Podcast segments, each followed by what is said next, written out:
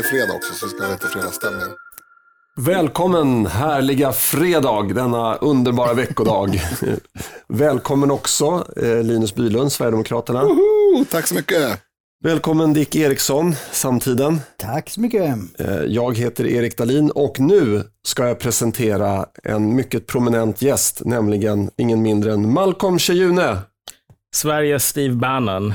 Ja. Enligt Expressen i alla fall.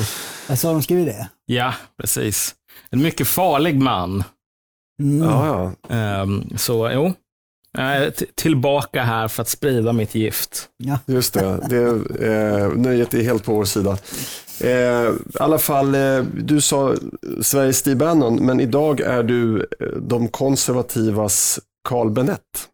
Jaså? Ja, Mm. ja, det kanske jag är. Jo, men det är så att sossarna brukar lyfta fram honom. Ja, men titta här, här har vi en kapitalist som faktiskt eh, gillar Socialdemokraterna. Mm. Titta! Ja, just det. Jo, det Ja. kommer jag ihåg. Ja, exakt. Och nu eh, har ju vi bjudit hit dig därför att du, eh, ni, ja, det här är ju radio så man ser ju inte det, men du har ju ett litet afrikanskt utseende. Eh, och då eh, kommer vi lyfta fram dig idag för att säga att men titta här har vi faktiskt en som har ett afrikanskt utseende och som tycker att BLM är ett stort luftslott. Ja, det, det som man kan säga är väl att jag är väl knappast ensam där. Det är ju ganska många med afrikanskt utseende i USA som tycker samma sak. Kanske inte särskilt många som får överdrivet mycket tv-tid i Sverige. Så, men, um, det finns väldigt många olika motsättningar som vi antagligen kommer att komma in på här. Just det. Eh, jag, jag vill börja långt bak i tiden och fråga vad hade Martin Lu- Luther King förmodligen sagt istället för Black Lives Matter? Ja, alltså om, du, om du frågar här om vilket språkbruk här som var gängse på den tiden så var ju negro det som man använde mycket mer. Det är om du kollar på något sånt här gammalt Malcolm X-tal eller så. så. Eller Stokely Carmichael eller många av de där um, från olika delar av civilrättsrörelsen. Så det är ju typ negro som man använder mycket mer än black. Um, Därför att de här orden har ju skiftat betydelse över tid. Så. Um, och jag Mm. menar, om vi nu ska liksom relatera det till Sverige, så jag tycker att det har ju skapats lite grann, precis som man vill hålla på att importera i princip allting från USA. Då har man ju försökt Ja, nu med Black Lives Matter, när man ska hålla på att riva statyer i USA, så försöker man ju väldigt så här slappt försöka bara, men Linné också ägde slavar, eller typ någonting så här, vi måste riva statyer för att jänkarna gör det. Um, och um, Alltså man, det här med att använda ordet negro följer ur liksom favör i USA på typ 70-80-talet. Och i Sverige så försökte man ju jämföra det svenska ordet neger, som faktiskt ligger ganska nära negro då, som på sin tid var det inte ett, ett nedlåtande ord, till skillnad från nigger då, vilket är eh, någonting som har en väldigt negativ konnotation. Men då försökte man få att neger är egentligen bara svenskans nigger och därför ska man hålla på att sanera det här. Men, men överlag så kan man väl säga att det sker ju hela tiden en sorts språklig kapprustning där gamla ord byts ut mot nya. Um, om vi tänker så här att en gång i tiden så var ju CP-stör det man försökte få in som det lite så här neutrala um, liksom för att du vet, man ska inte hålla på och kalla folk dumma på ett sätt som har en negativ korrelation, så då lanserar vi ett nytt ord. Så här, man är inte en mongolid, man är CP-störd. Och sen så blev CP-störd någonting som ungar kallade varandra när de skulle vara arga. Och så blir det så här funktionsförhindrad. Och så blir det ett sånt här ord och nu ska man få funktionsannorlunda och så vidare. Och så blir det... Funktionsvarierad är väl det Ja. sista. Och det blir ju, det blir ju också en, till slut, att kalla någon, är du funktionsvarierad eller? Det blir ju någonting med en negativ konnotation. Men poängen med det här, speciellt när det gäller antirasism, blir ju över tiden ganska tydligt att det här är ju ett sätt att skikta och, och, och ha en sorts um, social exkludering. Du, kan, du kommer från Åmål. Du kan inte det sättet som vi pratar, du är extremt problematisk, därför behöver ingen lyssna på dig, därför, därför behöver inte du få något politiskt utrymme. Och Mm. för att hålla, för att så att säga um, hålla jämna steg med den här retoriska språkliga utvecklingen för att vara no, vaken och antirasistisk, så förutsätter det i princip idag en, en um, att man bor i någon av de större städerna och har, liksom, går på universitet. Om du inte, kan, om du inte har rätt så här, klass och utbildningsmässig bakgrund, då är du ganska lost. Så du behöver inte ens förutsätta någon sån här, jag menar, rasistisk illvilja hos folk som inte klarar av det språket. Um, utan bara deras bakgrund gör att de är diskvalificerade för att liksom uppträda i möblerade rum. Det, det, det jag försökte komma åt lite grann här, eh, det var en väldigt intressant utläggning eh, Mm. som, som alltid Malcolm. Eh, men det är att man ger sig på symbolfrågor. Ja. Alltså, istället för att ta till sig det som Martin Luther King sa i det där talet. Eh, han, han sa ju väldigt mycket klokt, nu har jag inte det i huvudet ordagrant. Men, men Oj, istället oj. för, nej faktiskt inte. Men, men eh, då, då gör, ondgör man sig över, eh, några decennier senare då, över ordet negro. Och Mm. Lägger enorm kraft på det. Men till exempel, det har ju, som du sa, det har spilt över till Sverige så att ma- man får inte säga negerkyssar längre, utan det är mintkyssar och negerboll, det är chokladboll. Mm. Och då funderar jag på, på vilket sätt har det här hjälpt de svarta i USA? Ja, alltså det har ju inte det, men, men om man ställer den frågan så visar ju det i, sig, i sin tur på en ganska stor naivitet, därför att poängen är ju inte att hjälpa svarta. Om vi tänker oss ehm, just exemplet Martin Luther King. Så nu med Black Lives Matter så hade du en inledande fas där du hade um, upplopp på grund av i, i nära samband med den här, um, det här mordet på George Floyd. Um, men över tid så har ju de här uppropen, upploppen mer eller mindre, de har försvunnit. Nu så idag så har du mycket mer av en så här medelklassdriven kampanj där man ska hålla på riva statyer och ge folk sparken från olika medier och liknande. Och ett exempel på hur det här funkar är ju, på något universitet så var det någon lärare som alltså läste um, ett brev då från Martin Luther King. Han satt i fängelse i vad det nu var, jag kommer inte ihåg orten. Men han skriver ett brev från det här fängelset om så här, utvecklingen, vart den civilrättsliga kampen är just då. Hon läser en passage från det brevet och så skriver alltså, eh, och så läser hon då ordet negro eftersom ja, det är en del av texten. Så får hon sparken. Alltså det här är ju ingenting som är till för att typ hjälpa svarta ute i orten. Det är någonting som däremot är väldigt behjälpligt, givet att, och vi kan komma in mer på det här senare, men om man förstår vilken enorm, så här, vilket sjunkande skepp amerikansk högre utbildning, akademia är, um, så finns det en enorm, det är liksom feeding frenzy just nu, enorm kannibalism, därför att antalet jobb och så vidare håller på och försvinner konstant. Så därför om du ska klara dig i den världen så måste det finnas någon sorts hela havet stormar-mekanism. Därför att din enda, din enda chans, speciellt som på många sådana här områden, speciellt om du pluggar någonting så att du läser så Martin Luther King vid plugget, det är inte typ du blir inte ingenjör på Google eller någonting över det, utan du ska jobba inom akademin. Okej, du är elev i det klassrummet i förhoppningen om att du sen ska bli lärare i ett liknande klassrum åt andra. Om den världen håller på att falla ihop, då behöver du en mekanism för att typ sticka kniven i ryggen på de som har lärartjänsten då. Så att Mm. väldigt mycket av den här the wokening, den här sociala processen som pågår just nu, är ju, den är designad eh, för um, framförallt så här vit medelklass, eller typ svart medelklass i, i, i undantagsfall, um, som håller på att konkurrera sinsemellan. Men du, du antyder nästan här att det var en, en vit person på ett universitet i USA som någon gång då på 70-talet eh, väckte tanken att man skulle kunna bli kränkt av ordet Nej, negro. inte på 70-talet, utan det här skedde ju nu. Ja, ja, ja det det här med, med eh, det, som, det som händer nu. Ja. Men, Ja. men just om vi går tillbaka till det här eh, ordet negro. Varför blir man kränkt från början? Och det, och det, det kan man ta med de här statyerna nu. Man har, gått, man har gått förbi samma staty hela sitt liv i den Ja. stad man nu växte upp i. Aldrig blivit kränkt. Ja.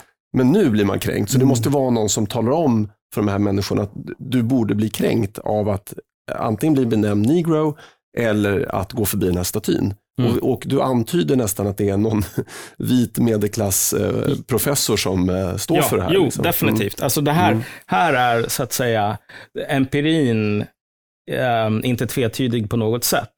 Om man mäter attityd, om, vilket man har gjort, man har mätt attityder i USA, um, angående de här, den här sortens frågor, rasrelationer som jänkarna kallar det. Och Det finns ett genomgående mönster, vilket är att ju mer, eh, ju mer du tjänar, desto mer tycker du att rasism är ett problem. Och ju mer vit du är, alltså om du, om du är vit, då tycker du att rasism är ett jättestort problem. Medan om du är svart så tycker du överlag inte alls att rasism är nära på ett lika stort problem som vita tycker. Och då talar vi om rasism mot svarta. Mm. Så att du har alltså välbeställd medelklass och övre medelklass och överklass som säger det finns ett enormt problem med rasism mot svarta. Och sen så har du fattiga svarta som säger nej men det problemet är inte alls lika stort. Um, så att då kan man ju säga, om man är naiv så kan man ju säga att den här missen här i kommunikation mellan de här olika grupperna bygger på att de här Robin Hood-typerna då i den övre medelklassen, de siktar bara lite dåligt med pilbågen. De liksom träffar inte helt rätt sådär, men de, de har fortfarande goda intentioner. Eller så kan man dra den slutsatsen som jag skulle säga är sann, vilket är att det här avslöjar att um, de siktar på ett annat mål än vad de säger att de siktar på.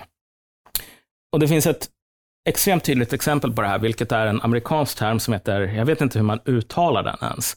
Alltså, det finns ju latino och latina um, som man använder för uh, benämna människor från Sydamerika framför allt.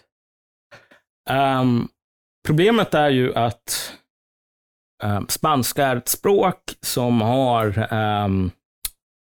du vet, hemska så här, könsformer på um, adjektiv.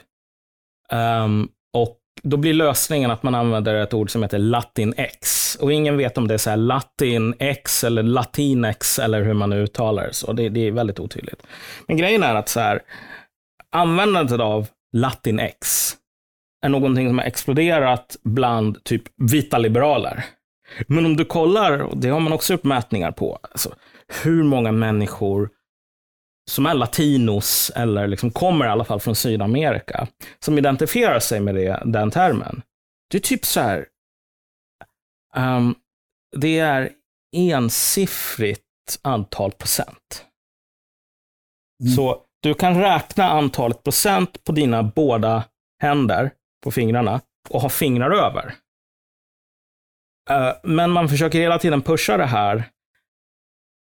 Därför att i slutändan, det, det är, alltså om du ska få ett jobb inom akademin, eller allt mer på så Google eller vad det nu kan vara. Om du använder typ latino, då kommer folk att säga, vet du vad, du är en, en, en sexist. Mm. Du ska inte få det här jävla jobbet. Ja, kanske lite frikopplat från liksom någon sorts större BLM-kontext, men ändå intressant givet det vi pratade om. Eh, Det finns ju lite olika skolor i Sverige på hur, hur man ser på det här med eh, huruvida man får säga negerboll till exempel. Ehm, Det är, väl- det är väl det bästa exemplet. Eh, Du hade något annat där Erik. Och det finns säkert, ja, det finns säkert fler. Men de allra flesta är ju av positiv karaktär. Det finns inget ont i så att säga eh, att de har uppkommit från början. Så det är ganska harmlösa ord. Men Alexander Bard till exempel då, eh, är väl den mest kända som, som hävdar, med, med viss tycker jag rätt, eller med, med stor rätt, att så här, det är mitt språk jag använder de ord som jag vill använda Mm. för olika saker. Ehm, och, och framhärdar då i att säga negerboll, eh, antagligen oftare i sändning än utanför, men, men, men ändå. Eh, ehm, vad, vad, hur tycker du man ska förhålla sig till den här typen av, den här familjen av nyord? För det är ju en sorts nyspråk fast ganska specificerad i, i liksom etnicitetstermer. Mm. Alltså, jag kan väl säga så här att jag, överlag är kanske inte det här den, jag, jag känner inte att jag eh, är, är ens intresserad av att peka med hela handen, utan man får väl typ se till hur terrängen ser ut. Jag menar, i, i, i fallet Alexander Bard till exempel, eh, så han får ju väga liksom de facto vara frispråkig mot att han kommer att få sparken om han är det, vilket han nu har fått. Um, och så här, eh, min poäng är inte så att säga, alltså jag tycker ju självklart att det är fel, man ska inte få sparken för att man säger massor med saker eller att man ens använder ordet negerboll och så vidare. Visst, okej, jag har åsikter åt det hållet, men bara min funktion är väl mest att påpeka att alltså de här maktförhållandena som finns här, att jag, du vet, du får sparken för att du använder de här orden och det är inte så mycket för att folk tror att men det här är verkligen en del av en strategi för att införa socialismen och typ avskaffa alla orättvisor. Även fast det finns folk som är dumma i huvudet nog att tro att det faktiskt är det. Utan i slutändan så är det någon annan som kommer få Alexander Bards jobb på TV4. Mm. Och det är inte irrelevant för det här. Liksom den här, det som du ser nu i USA, um, efter den här fasen där, för att liksom använda marxistiska termer här, där arbetarklassen plus trasproletariatet håller på att bränna ner butiker och liknande i någon sorts ilska mot polisvåld. Så har ju det följts av att medelklassen tar över det här nu, Black Lives Matter är ju typ det som finns kvar i den liksom, folkliga rörelsen i USA. Det är ju bara medelklassdrivet. 100 procent mer eller mindre. Och där är det väldigt mycket så att vi ska ge alla typ problematiska vita män sparken från alla tidningar. Så att eh, pansexuella, liksom, trans, svarta kvinnor kan få alla jobben. så här. Och vi måste typ ut med alla vita männen och ersätta dem med progressiva människor och så vidare. Och jag menar, det här måste man ju förstå mot bakgrund av att alltså, det misstag som högern ofta gör, och det här är ju ett tecken på högerns svaghet idag skulle jag säga. I, I de här kulturfrågorna så är det så att högern spelar alltid på defensiven och försöker, alltså du vet, här, det kommer massor med olika krav om du ska säga de här orden, du ska ta, tänka på det här sättet. Um, från, och jag menar det är inte liksom så här eh, anarko-kids i någon källare på Möllevången som typ skickar ut de här marschorderna till typ George Soros eller Jeff Bezos och de bara, ja, jag, jag, jag må vara miljardär, men liksom nu säger Pontus 22, att det är det här som gäller och liksom, vad kan jag göra? Uh, utan att Jeff Bezos och Pontus på Möllevången går åt samma håll är ju för att Jeff Bezos har bestämt sig att gå åt det här hållet och Pontus följer med snarare än tvärtom. Mm. Um, men med det sagt, så Pontus, anarkisterna, Feministiskt initiativ och typ alla stora företag marscherar åt ett håll sätter agendan. Ehm, och kommer med väldigt många sådana här olika krav. Du ska göra det här, du ska inte göra det, du ska liksom be om ursäkt, du ska gå ner på knä, du ska använda det här ordet. Nej, du använder det här ordet på fel sätt, nu ska du använda det här ordet och så vidare. Och folk från högen och folk som kallar sig själva konservativa, de, de bara står där och tar det. De bara accepterar det här. Och, bara att det här. och så säger de att det här, det måste ju, när de här människorna kommer med alla de här reglerna jag ska leva efter, då är det ju någonting som är allvarligt menat. När de säger att vi, du måste göra det här för att avskaffa rasismen. De kan ju inte ljuga om sina intentioner. Utan det här är ett spel där alla spelar med öppna kort och ingen fuskar. Och sen när det visar sig att man försöker göra det bästa man kan och typ nu säger jag det här istället för det här och nu gör jag det här. Då blir man ändå kallad en rasist och en fascist och allting sådant, ska få sparken. Och det enda som folk som kallar sig själva konservativa eller höger ofta gör i den situationen, det är bara att, men hallå, eh, domaren, personalen, varför, varför hänger inte det här ihop? Mm. Liksom det enda man kan göra är att kräva att reglerna som någon annan har satt ska efterföljas så som de står på pappret. Men poängen med de här reglerna på pappret är liksom, det, det, det finns en otrolig godtrogenhet med vad funktionen för det som står på pappret är. Mm. Den bästa sortens regel är den som du kan applicera extremt godtyckligt. Mm. Eller den bästa sorten i den intentionen. Ja, i alla fall om vi tänker oss vad som, le, vad som är användbart för så här, cyniska maktspelare. Mm. Men, jo, anledningen till att jag tog upp det är att jag är ju väldigt ambivalent inför det här. Och det kanske var ett dåligt ord. För att, Mm. För att jag är ju egentligen av den ganska grundmurade åsikten att så här, om jag om jag kan eh, ändra ett ord som jag använder liksom en gång om året och säga chokladboll istället och det, eh, det betyder att en person inte tar illa vid sig så det är liksom inget jobb för mig. Mm. Eh, och, och vad jag egentligen är ute efter är, tror du att det är konstruktivt? Jag har redan mitt svar, men tror du att det är konstruktivt att framhärda i den typen av liksom konflikter och säga, ja, jag ska visst säga negerboll. Och nu pratar vi inte om Alexander Bard, för, för han har ju ett syfte naturligtvis, eh, att vara kontrover- kontroversiell och så vidare. Men låt säga som medlem av ett parti. Alltså, det finns väl, det, fin, det svaret är väl, och det är väl ett otillfredsställande svar på många sätt, men det, det beror, beror på situationen lite grann. Alltså, när det gäller så här liksom pronomen och så vidare, jag personligen köper inte mycket av den moderna transideologin. Att så här, därför att, för det första, den hänger ju inte ihop. Det här med att kön är bara en social konstruktion, men samtidigt så är det så att jag kan födas in i fel biologisk kropp och typ om jag föds med en snopp och jag gillar att dansa ballett, då är det så att jag måste hugga av den här snoppen på grund av Mm. att så, så, så Ja, det är, det är två motsägelsefulla ståndpunkter som man intagit här. Men om någon säger, vet du vad, du ska kalla mig en hen eller någonting. Alltså jag är ju inte tillräckligt mycket av en grinch för att framhärda då att inte kalla den här personen hen. För precis som du säger, det kostar inte någonting. Nej. Däremot så kan man väl säga att, och sen så finns det alltid, alltså språk förändras alltid långsamt. Eh, lite oavsett politiska aktörer. Så. Och det får man ju hänga med i om man inte vill vara någon här total kuf. Ehm, och vill man vara en total kuf, då får man betala det priset. Jag skulle dock säga så här att um, väldigt mycket av de här förändringarna idag är någonting som har mobiliserats i politiskt syfte. Och när de mobiliseras i politiskt syfte så måste man inse att oavsett hur goda intentioner du har för att hänga med, så är det här ett spel som är gjort för att du ska förlora. Mm. Ehm, om man ska ta ett exempel här.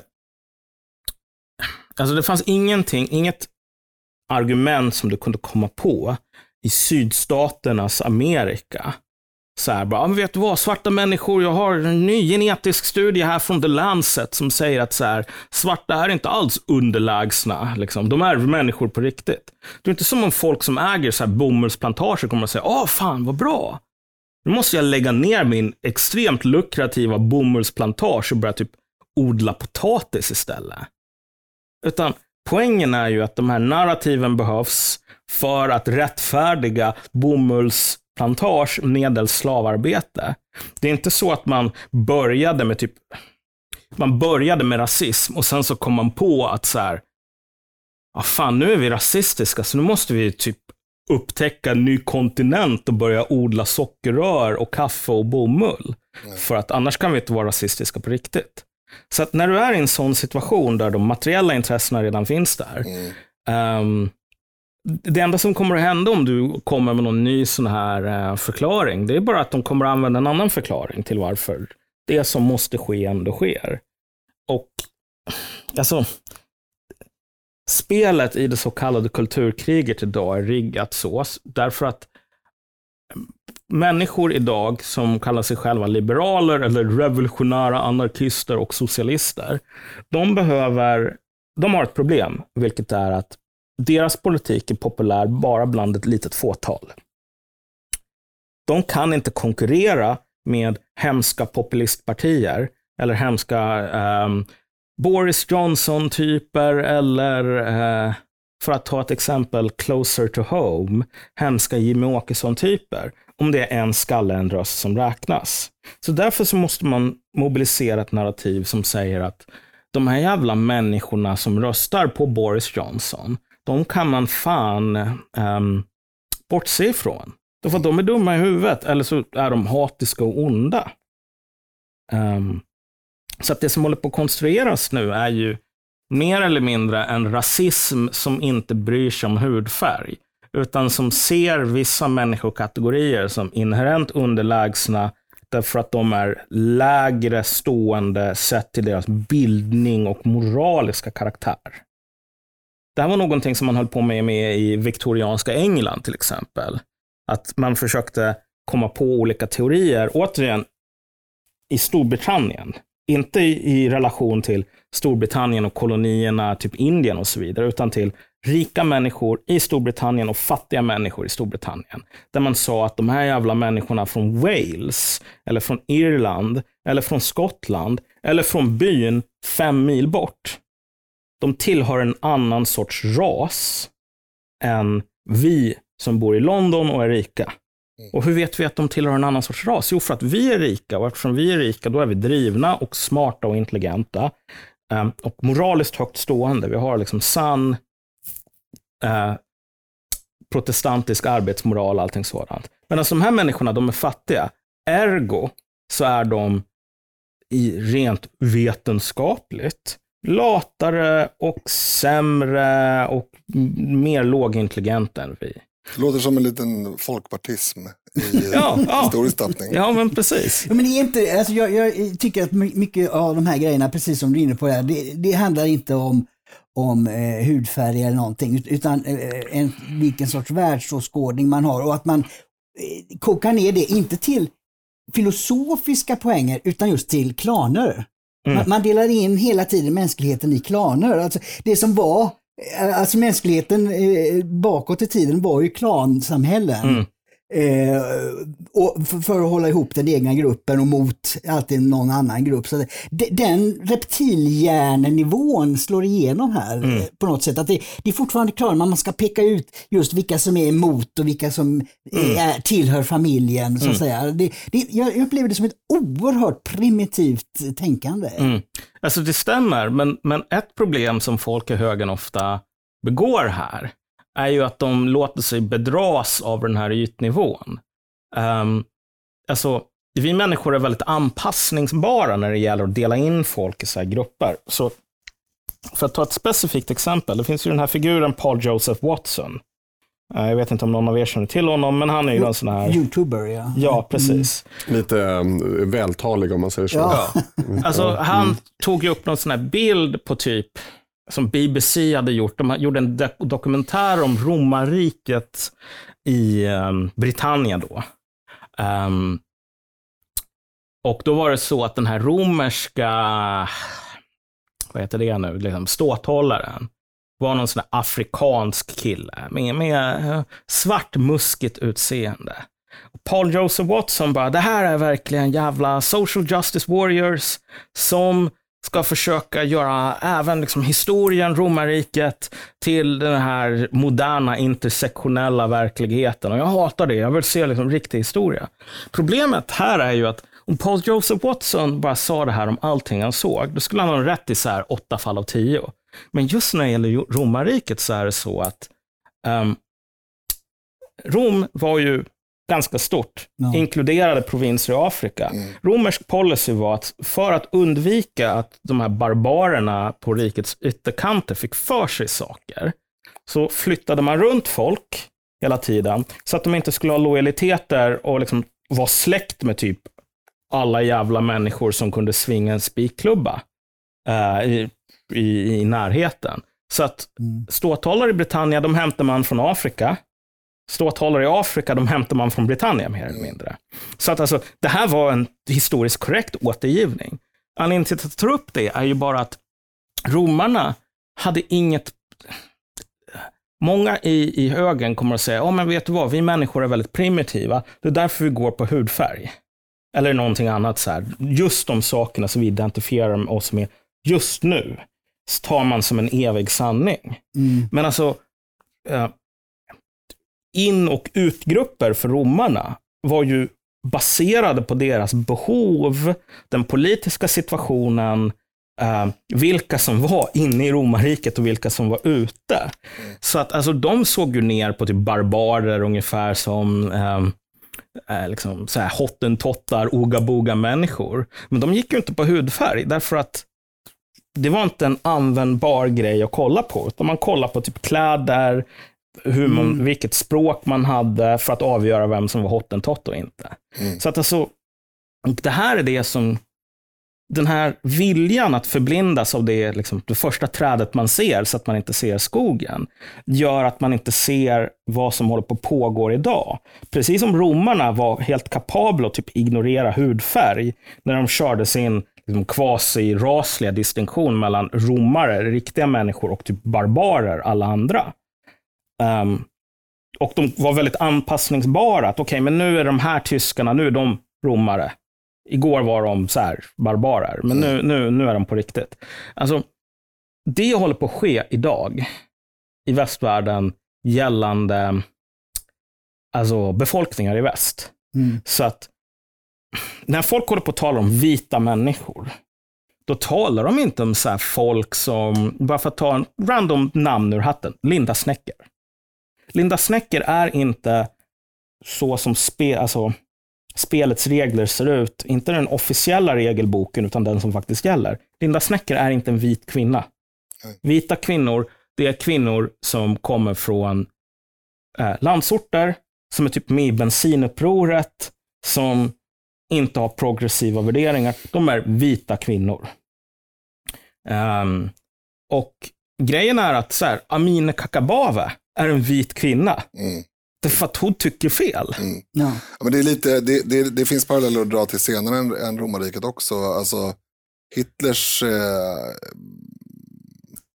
lerande med, med Japan var ju typ Mm. ett sånt exempel. Mm. Helt plötsligt så var japaner gula arier. Och det hade ju liksom, fanns ju ingen, ingen logisk korrelation med varför just de skulle vara Mm. utvalda medan alla andra folkgrupper mellan Tyskland och Japan, Mm. inkluderande kineser, de var, de var liksom underlägsna. Mm. Eh, och det, det är exakt samma tänk, att Mm. det handlar om att dela upp mellan vänner och fiender Ja, snarare men, men jag än menar, det är rätt som är klantänkande. Vi- Vilka man lierar sig med och inte och, och så ska man hitta sätt att istället för att diskutera på ett filosofiskt plan Mm. Mm. vad som är rätt och fel och vad som är Mm. rimligt och orimligt och så. Alltså jag har alltid tyckt att det här med liksom fotbollshuliganism eller eh, ens att bry sig om vad folk tycker eh, om för lag har varit väldigt korkat. Och, nu inser jag att det är på samma sätt även Ja. i, i andra delar av, av Ja, man, man livet. förstår ibland hur lågt utvecklade vi egentligen är Ja. när det Mm. gäller de drivkrafter som eh, dominerar. Mm. Jo, om man går tillbaka till Martin Luther King här, alltså det här I have a dream-talet är ju väldigt viktigt. Eh, Charles Krauthammer, den tidigare konservativa, mycket skarpsinnige kommentatorn, han sa ju det att det, det här är liksom en en, en eh, ja, grundlagsförklaring i modern tappning, det, det han höll då, 63 var det väl va? Eh, I have a dream. Och en, sats där är ju det, eh, jag har en dröm om att mina barn inte ska bedömas utifrån sin hudfärg Mm. utan efter sin karaktär. Mm. Och det, det är det jag tycker är kärnan och det är det jag står för och det jag vill att vi ska göra. Det är att, att bedöma människor efter, efter sina förmågor, efter sina erfarenheter, efter sitt, eh, ja så som man agerar, lojalitet, Mm. Eh, eh, kunskap, eh, ja a- a- a- alla de här olika aspekterna som, som gäller i livet och för, för varje människa Mm. eh, och som är unikt för varje människa. Eh, att, eh, det är liksom det vi ska eh, fokusera på, inte hålla på den här jäkla uppdelningen hit och dit. Ja, det ironiska med Martin Luther Kings tal så här i backspegeln är ju att den situationen som man pratade om, där det inte är så att folk kommer att gå på din, din hudfärg, um, den har redan inträffat i USA och i Sverige. De facto. Nu finns ju folk som säger, nej vet du vad, vi lever fortfarande i Jim Crow och så vidare. Men det där är bullshit. Utan det som håller på att ske i USA idag är ju att om du bor i Silicon Valley, liksom, eller jobbar i Silicon Valley, och tjänar en 200 000 dollar i månaden. Du kan fan vara Gredelin eller typ polkagrisrandig. Och folk kommer att bara, ah, vet du vad, du är en av oss. Mm. Därför att du tjänar 200 000 dollar om året eh, och du är lika woke som alla andra här. Eh, så, och saken är den att vad som håller på att konstrueras i det ställe är ju li, likt den viktorianska eran, en ny ras som består av fattiga människor. Det är vad man håller på med i USA idag. Um, och de människorna, de kommer att bedömas utefter sin karaktär i och med att du bor i Kentucky, vilket betyder att du är en efterbliven inavlad rasist. Mm. Hej svejs. Um, så man skulle kunna säga att det scenariot också passar in i, i eh, Martin Luther Kings stad? Alltså det, han om, vill... om man vill böja orden ja, lite. Ja, men karaktär tycker jag är kopplat till, det beror på vad man, men jag tycker det är kopplat till varje enskild person. Jo, jo, man jo. kan inte bedöma karaktären på en delstats medborgare. Liksom. Ja, nej men så, så, så kan det går om man vill. Alltså, jag menar, och uppenbarligen är det väldigt många som vill göra det idag. Alltså, det finns starka politiska skäl till varför det, det måste ske, mer eller mindre. Men Martin Luther Kings dröm var ju om ett samhälle som, där människan var emanciperad, befriad från massor med orättvisor. Mm. Nu är det så att man ska konservera dessa orättvisor som man slogs mot genom att med en läpparnas bekännelse avskaffa den här uppenbara som ändå är liksom förlegad och en jävla anakronism idag, vilket är baserat på hudfärg. Mm. Alltså om du, den enda grejen som förhindrar dig som svart att komma in på Yale, det är typ hur mycket, dina pengar, hur mycket pengar dina föräldrar tjänar. Mm. Om du, dina föräldrar tjänar 200 000 dollar om året, det är fan inget problem för dig att komma in på Yale. Det är fan enklare för dig med din svarta hudfärg än någon asiat vars föräldrar tjänar 200 000 dollar om året. Um, så du, du, har, du är liksom jävligt curlad i den bemärkelsen. Sen är det så att det är typ bara asiater som kommer in, därför att asiater tjänar mycket mer pengar än den liksom vita befolkningen i USA. Mm. Mycket högre socioekonomisk status, mycket mindre utsatta för polisvåld och allting sådant. För, för de här sakerna och för att de kanske inte begår lika mycket brott som andra. Ja, jo, jo men precis. Men alltså det är ganska få människor. Alltså, om vi tänker oss sådana här eh, brott som har att göra med så här förskingring, typ Enron.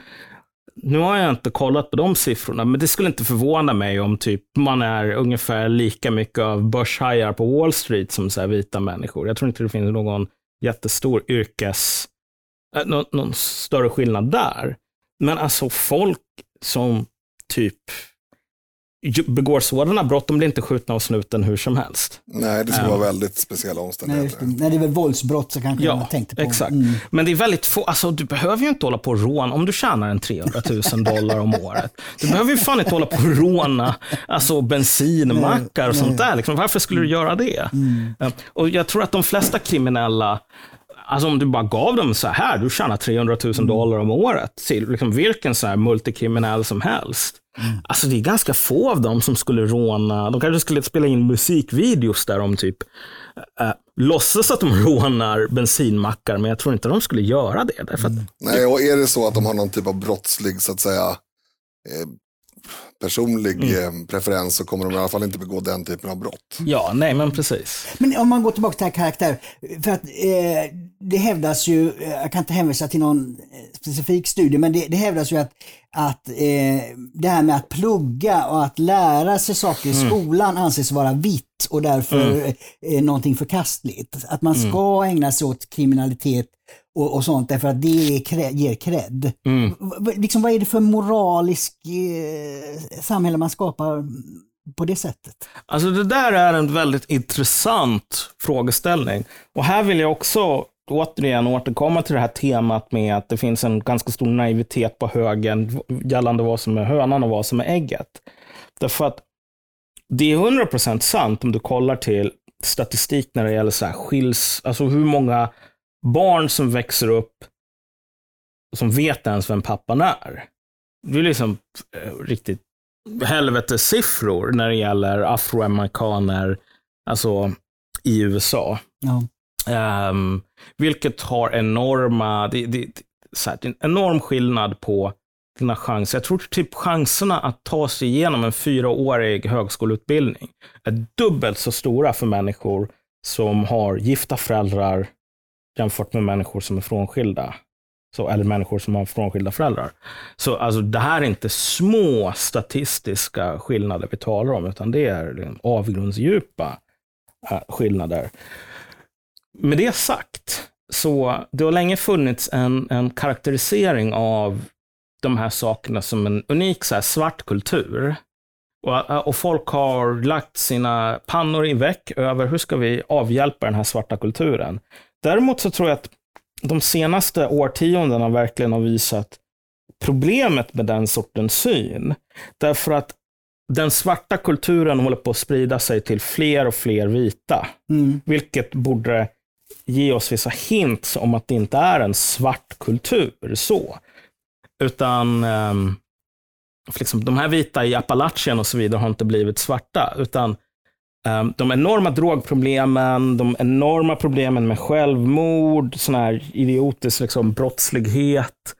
Um, de har liksom kommit de senaste 50 åren, eller mindre än så. Mm. I takt med att man har uh, anammat en politik i USA som är helt ämnad åt att stärka de här kusterna, de här metropolerna på resten av landets bekostnad.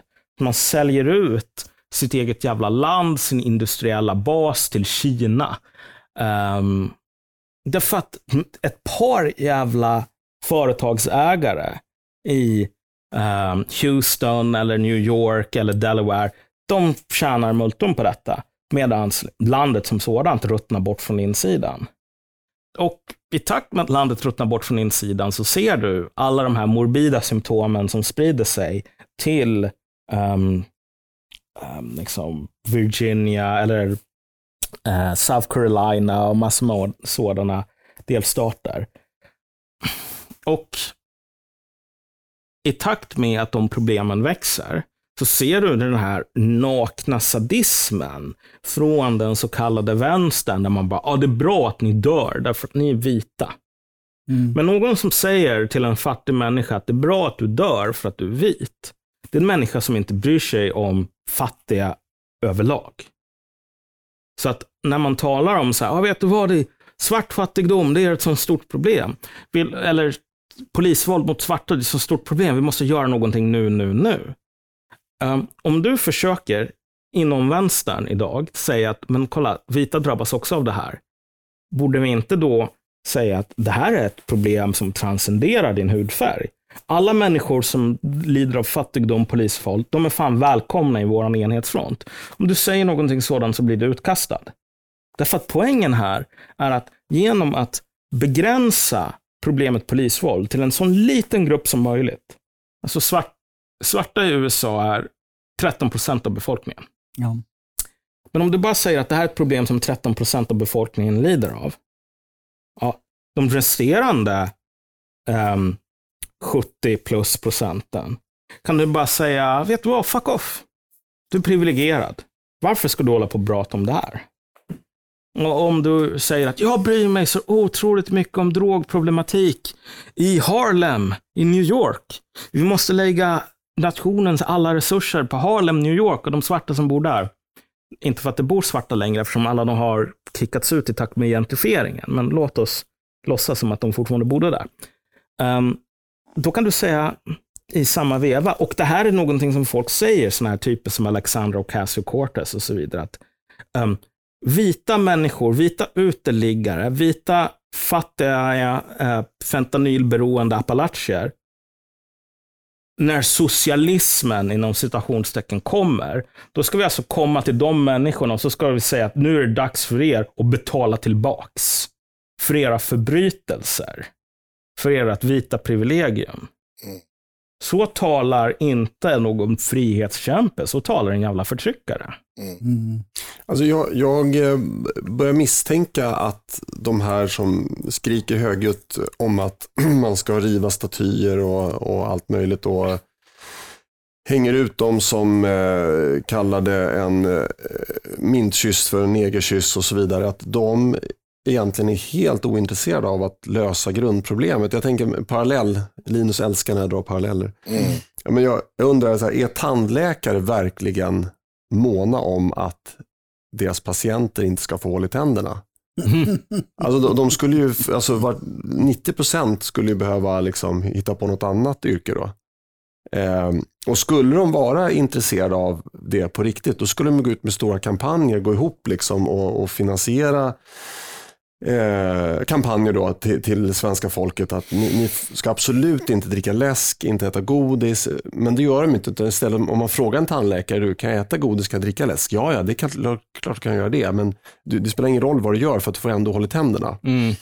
Eh, och, och, i det här fallet känns det som att det spelar banne ingen roll vad man gör. Man, man döper om negerboll till chokladboll. Eh, man, man river statyer, man går ner på knä, kysser fötterna. Det kommer ju aldrig hjälpa. Däremot, du var inne på Alexander Bard här. Jag ställer mig den enkla frågan som du skulle kunna svara på, Malcolm kanske. Skulle hans recept hjälpa? Hans recept. ja, det var ju ta er, ta er i kragen, begå inte brott Alltså, och så vidare. Är, är det ens möjligt? Kan, kan man säga så till en, till en grupp människor eller är det bara nonsens? Liksom? jag tycker väl att, alltså på ett plan, på ett plan ja, men överlag nej. Um, ironiskt nog, så, jag menar vänsterns svar på det där, nej men vet du vad, de här, de här svarta, de är ju bara djur. Du kan ju inte be ett djur om att skärpa sig. Liksom. Det, det, därför att djur kan inte ha moraliska förväntningar på dem. Och det där är ju bara nonsens. Svarta människor är inte djur. Lite oavsett vad man får höra. Men däremot är det så att i takt med att, att återigen den här gruppen av vita svarta i USA växer explosionsartat, så illustrerar det att det här är någonting som inte har att göra med en individuell sån här nedärvd kultur. Um, så att det bara bryter de här idiotiska föreställningarna som har liksom gått i arv i 400 år. Därför att de har ju inte, uppenbarligen så har de inte gått i arv i 400 år i det här fallet. Utan det är någonting som har kommit ganska nyligen. Någonting som sprider sig till områden där det inte har funnits förut. I takt med att man har en, den här politiska ekonomiska modellen där man säger att fan, ni måste typ dö. Um, och det här med att ni måste dö om ni bor i Appalachen och så vidare, det är inte någonting som jag hittar på, utan du har ändå citat konservativa slutcitat i USA, som faktiskt säger att så här, folk som bor i South Carolina, merparten av dem, och de skriver det här i liksom, tidskrifter som National Review och liknande. Merparten av de här människorna, de är ett moraliskt svart hål. De tillför inget till ekonomin. Och om de inte tar livet av sig själva så behöver fan staten gå in och avliva dem. Det är amerikanska konservativa. Um, och problemet är bara så här att de här konservativa har ju egentligen inte fel i bemärkelsen att med den ekonomiska modellen som de har valt, där man ska sälja ut det egna landet i så här, flytta över allting till Kina, premiera ett fåtal på de mångas bekostnad. Alltså om, man inte, om staten inte går in och avlivar de här människorna, vad fan ska de hålla på med? Det finns ju inga jobb åt dem. Det finns ju inte det, uppenbarligen. Så så här, Du för in det på, på ekonomi igen. Liksom att det är, ja, de, de är ju egentligen inte konservativa, de är ju nyliberala. Ja, eh, jo, jo, men precis. Det termer. var därför du sa citat, slutcitat. Ja, Ja, Nej, men, men alltså, så att poängen här är att man får ju gå lite av en balansgång, därför att även om alla de här jobben fanns, det är inte så att du kan komma in och sen bara hålla på och typ skjuta black tar heroin på typ eh, lunchrasten och bara så här, vet du vad, det här är så som jag är, det här är mitt sätt att leva på, kom inte och ifrågasätt det. Och liksom fungera på jobbet, det går ju inte. Eh, men däremot så är det så att, alltså, rent konkret, om alla de här människorna skärpte sig och började plugga, anledningen till att det går en sån jävla huggsexa i typ akademin i USA, är ju för att de människorna som redan är där, det finns typ ett jobb på var femte skalle. Ska du få in typ tio skallar mer och bara, "Ja, vet du vad, jag har faktiskt pluggat. Mm. Ge mig ett jobb nu. Det kommer ju inte att gå. Eh, det, det finns inte de möjligheterna. Vilket betyder att, okej, jag är en extremt skötsam liten gosse ehm, som verkligen pluggar på och ligger i och bla bla bla bla bla sådär. Jag menar, om jag är den mest skötsamma gossen, fine. Då kommer jag säkert att kunna ta det här jobbet som det finns ett på fem skallar från alla andra. Så jag kommer att klara mig som individ. Men alltså att säga att det här är en systematisk lösning på någonting, alltså det är ju, det stämmer inte. Ehm, så att eh, den här individfokuserade lösningen kan funka för enskilda individer. Men ju mer enskilda individer som skärper sig, desto högre kommer ribban att bli. Mm. Så att alltså, baksidan på det som Bard säger är att de människorna som idag klarar sig för att ta ett jobb, därför att de är skötsamma nog. Om du lägger till ett x antal nya människor som tävlar om x antal stolar i hela havet stormar, så kommer det bara bli en ny överskottsbefolkning som är fan lika stor som den gamla. Människor som inte pluggade hårt nog. Ja, Om, men det för in på lite grann på globaliseringen. För det, jobben har ju som sagt flyttat till låglöneländer. Ja. Eh, och och eh, då kanske det handlar om vilken ekonomisk politik man ska föra. Inte minst med tanke på det som hänt med corona här. Och man behöver ha beredskap, man behöver ha Mm. eh, försörjning av, av livsnödvändiga varor närmare Mm. eh, där de ska användas eftersom det kan bli störningar Mm. om alla glo drabbas globalt samtidigt. Ja. Så här borde, det här ligger lite grann i tidens anda kanske, att man måste föra tillbaks produktion till, till de Mm. eh, hemländerna, eller vad man ska uttrycka det. Ja, alltså det finns ju flera olika anledningar. För det första så är det inte så jävla kul att bo i ett land som är alltså urgröpt på insidan. Mm. Där man har liksom sålt, det finns ju väldigt många sådana länder i Afrika, så kallade liksom compradorstyrda länder. Comprador är ju en sån här gammal term för den sortens här, industrialister eller kapitalister som eh, de är inte intresserade av att stärka sin egen nation, utan de är intresserade av att tjäna pengar personligen.